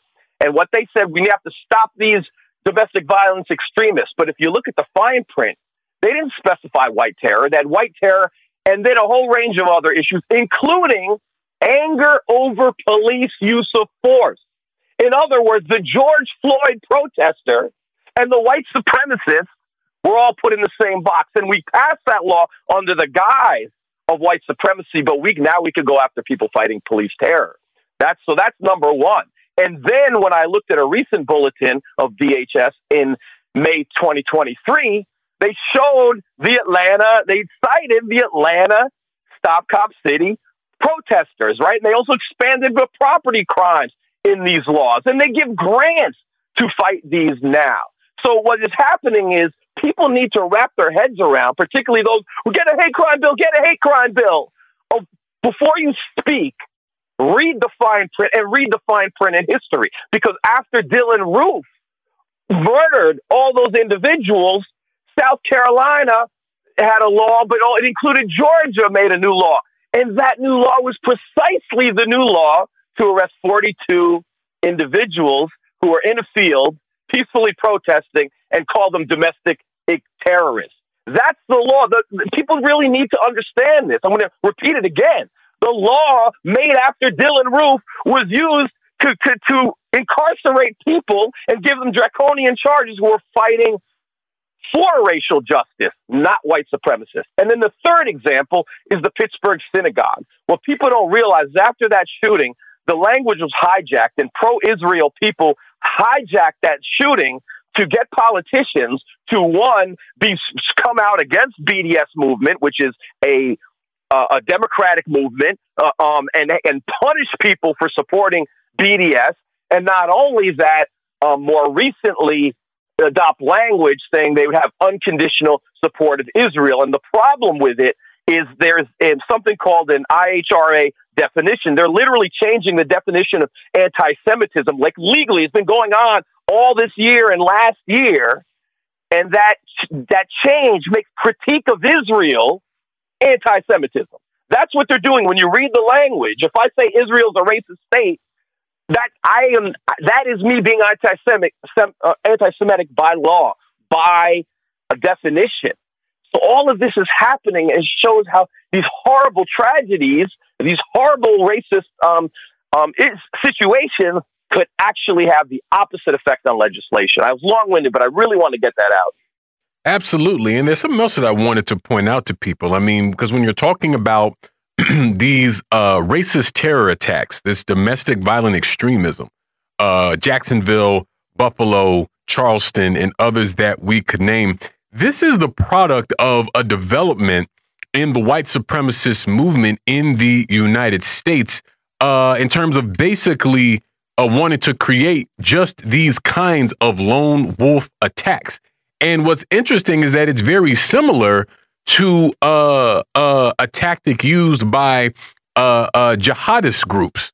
Uh, similarly, to where you don't have to join a group or an organization per se, but if you have these beliefs, well, then you can take it upon yourself to carry out these violent acts, which is great for the white supremacist movement because you can't trace it back to any group or uh, uh, individual, and it helps to spread uh, terror and create panic more and more and more. So we should be aware of uh, uh, how these movements are uh, operating, particularly as this far right assault on democratic rights continues to intensify here in the U.S. But we're going to move to another quick break on that note here on By Any Means Necessary on Radio Sputnik in Washington, D.C. We'll be right back, so please stay with us.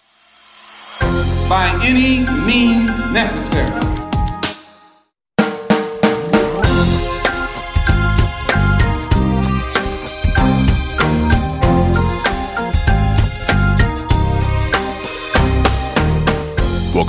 To By Any Means Necessary on Radio Sputnik in Washington, D.C.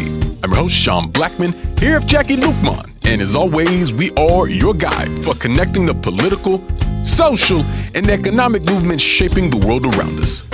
My dear friends, phone lines are still open 202 521 1320. That's 2 0252 I am here.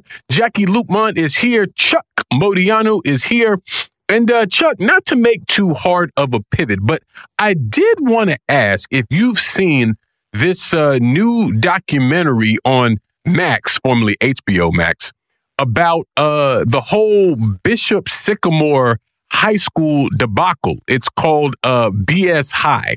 And for those of you who may not be familiar with this story, basically Bishop Sycamore was this school that didn't really exist. I mean, at one time it had some kind of association with the AME church that ended, but the coach basically sallied forth and kind of just made up a high school team.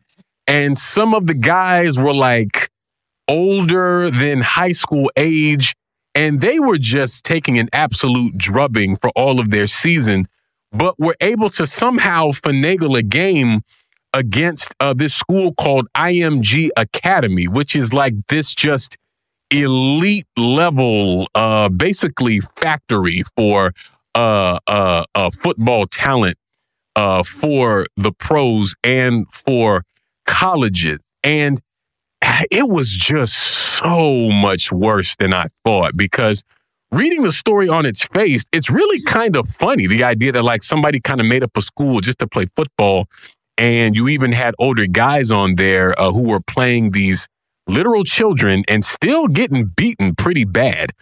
Um, I mean, in a lot of those games, they didn't even score a single point, but it's not so funny when you realize that a lot of these kids got hurt because they didn't have any trainers.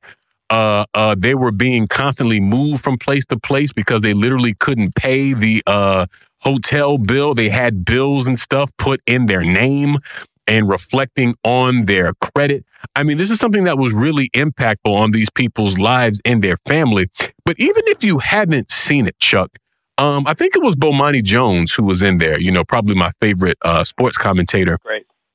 Um, who made a really interesting point um, about the fact that Bishop Sycamore was actually just a really bootleg version of an IMG Academy. The fact that we do have these schools that literally exist just to crank out kids into uh, professional sports. So there's literally like an industry of like trafficking kids in, into sports. And that may sound extreme, but when you understand that ultimately it's all about making money, I think it's rather accurate. But I mean, have you seen it or otherwise just sort of how do you kind of feel about how all of this has played out?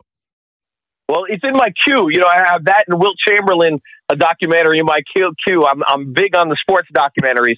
I haven't seen it, so I can't comment on it. But the this story is incredible, and I'm sure that from what you say, I'm going to be like, "Wow, I didn't know that. Wow, I didn't know that. That's incredible." But to your point about Bomani Jones, yeah, I hadn't, you know, thought about that till right now. But I think he makes a good point. I think he makes a good point. You know, you find someone doing a scam, and then you realize, well, the legal one is kind of a scam too, right? Um, and I think that's a, a point that I, I'm going to have to consider and marinate on. Definitely. We've got a caller on the line here. Max, tell us what's on your mind. Hey, thanks for taking my call. Um, I heard you guys make a comment earlier about the lone wolf uh, idea that these guys are strapping up with their body armor and their and their rifles, the same AR kind of thing, and and you're and you're calling them lone wolf, and you're saying that they're uh, that the tactic is benefiting certain uh, hate groups in the country. And my question is, what makes you think that these are lone wolf attacks? I, I mean, I hear a lot on your channel that you believe that the empire has uh, a propaganda arm and it doesn't tell everybody the truth through the uh, through the news media, what makes you think that these are lone wolf attacks? And I'll t- and that's my question. Well, thanks a lot for calling in, Max. Hope to hear from you again soon. Well, when I say lone wolf, what I mean simply is that these are people who, as far as we know, are not associated with any group, organization, or movement that we could name or point to, but that they're very clearly uh, uh, very bought into this uh, white supremacist ideology that has been driving this.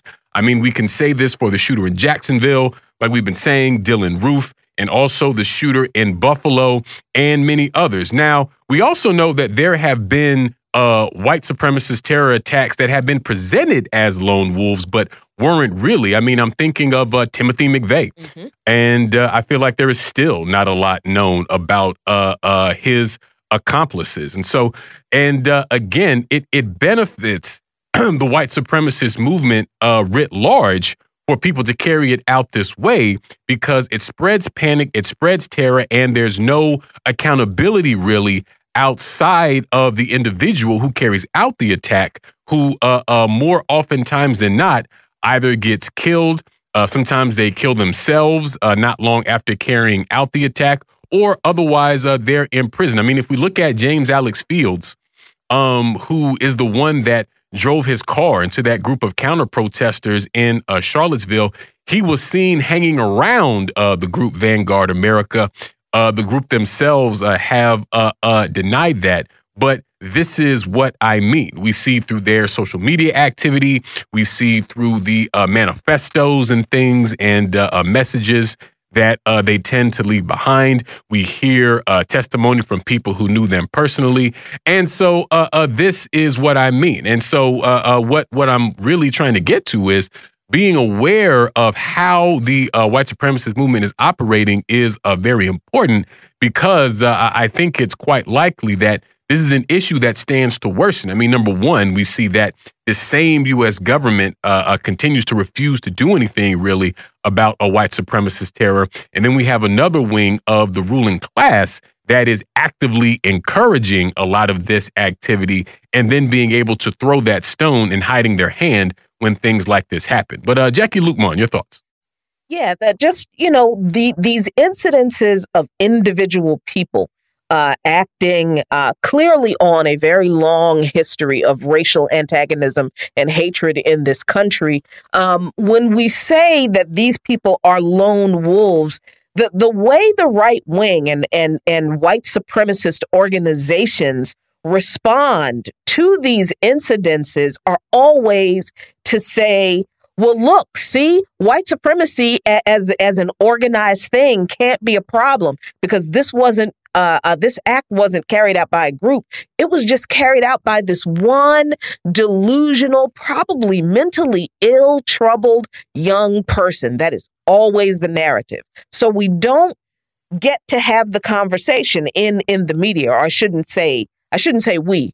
The media refuses to have the conversation about the organized white supremacist uh, uh, factions in this country, the way white supremacy does uh, undergird a lot of the laws in this country, certainly the way a lot of the laws are enforced through law enforcement, which has always had a very cozy relationship with organized white supremacist groups like the Ku Klux Klan and the Concerned Citizens Council, which was just the Klan with, you know, suits and ties on.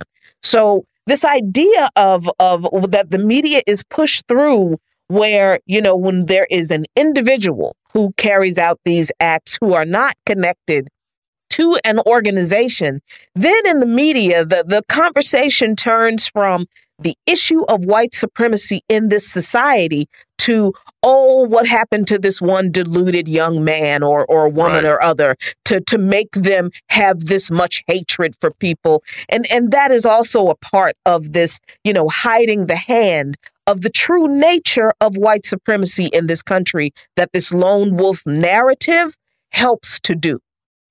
Uh, chuck your thoughts. I'll just add a, a nugget that i got um, on my visit with uh, priscilla till she was saying she's been researching in Mississippi all of the hate groups. She said there are 45 white supremacist groups in Mississippi across 82 counties. She went to DOJ. She told them about it. She went to people in Mississippi, told them about it. She says, no, absolutely nothing is done. And she will tell me these individuals are making the law of the land. Definitely. A shout out to the by any means necessary chat. Manny Niles says they just can give plausible deniability to the state because they weren't direct they weren't directed to this action overtly. It was done via propaganda. And I think that's a great way to sort of uh, uh, summarize what we're saying. And the phrase pl- plausible deniability really is, uh, uh, I think, the most accurate way to describe how uh, not only the white supremacist movement, but the racist state benefits from uh, the lone wolf narrative because like Jacquie says and we see this play out in the media almost every time this happens to the point about uh, propaganda that the caller was making because there's always this question of mental health and were they bullied uh, did they play too many violent video games? Did they listen to uh, aggressive music? Should their parents have monitored the television they're watching? It's always about everything else, about the fact that this country itself is birthed in racist terror. The United States of America, as we know it, literally does not exist without the uh, genocide against the indigenous and the enslavement against the Africans. And that is not something that is just uh, uh, that was left behind centuries ago. Racist terror still happens at the systemic level and the interpersonal level all the time here in this country. As much as this country likes to lie to itself and to the world that it's somehow overcome uh, uh, this legacy of white supremacy, we continue to see the ravages of it play out all the time. Because if the problem was solved, there would have never been a, a George Floyd movement or a, uh, uh, a rebellion against racism in the street because there wouldn't be a racist police terror to begin with. It would not be such a characteristic of this country. There would be no movement for Black lives, and there would be no need for one if this country had uh, uh, so resolutely solved the question of racism. And this also makes me think about um, this issue of the new McCarthyism, because I mean, if we we were talking about uh, uh, Dr. King, who we know is someone who was under FBI surveillance, and he was just one of many in that uh, second Reconstruction period in uh, the civil rights and Black Power movement who were not only under uh, state surveillance, but who were also jailed, who were also made political prisoners, who were also assassinated. I mean, entire organizations were uh, uh, uh, sort of destroyed from the inside because of the interference of this same capitalist state. And we're seeing the same thing today with these racist claims that if uh, black people or people of color or poor working and oppressed folks, if they uh, have the audacity to speak out against the ongoing crimes of the United States uh, and the ongoing crimes of imperialism, well, that they must be quote unquote dupes of Russia or dupes of China, uh, uh, which is really an insult to the intelligence of oppressed people to suggest that they have to be told uh, by some other government that they're oppressed. And this is what I think is at the heart of the attacks on uh, the Uhuru movement that we've been uh, discussing lately. And uh, I think that as this capitalist system and this imperialist system continues to crumble more and more and more, we're going to see deeper and deeper censorship and stronger and stronger attacks on those who speak out against the status quo because this censorship and that kind of a, a state sponsored attack has always been a, a devastating weapon against uh, uh, the movement. And so the question then is well, what do we do? How do we protect ourselves against uh, uh the, the, the, toils and snares uh, of the state? Well, the answer is and has always been that of organization if we build a strong enough movement, it won't matter how many uh, individuals are attacked, because we have a collective effort to fight this brutal system and to change this system once and for all. We're going to leave it there for today here on By Any Means Necessary on Radio Sputnik in Washington, D.C. To thank Chuck Modiano so much for joining us today. Be back with all new episodes. So as always, we'll see you next time. Peace. By any means necessary.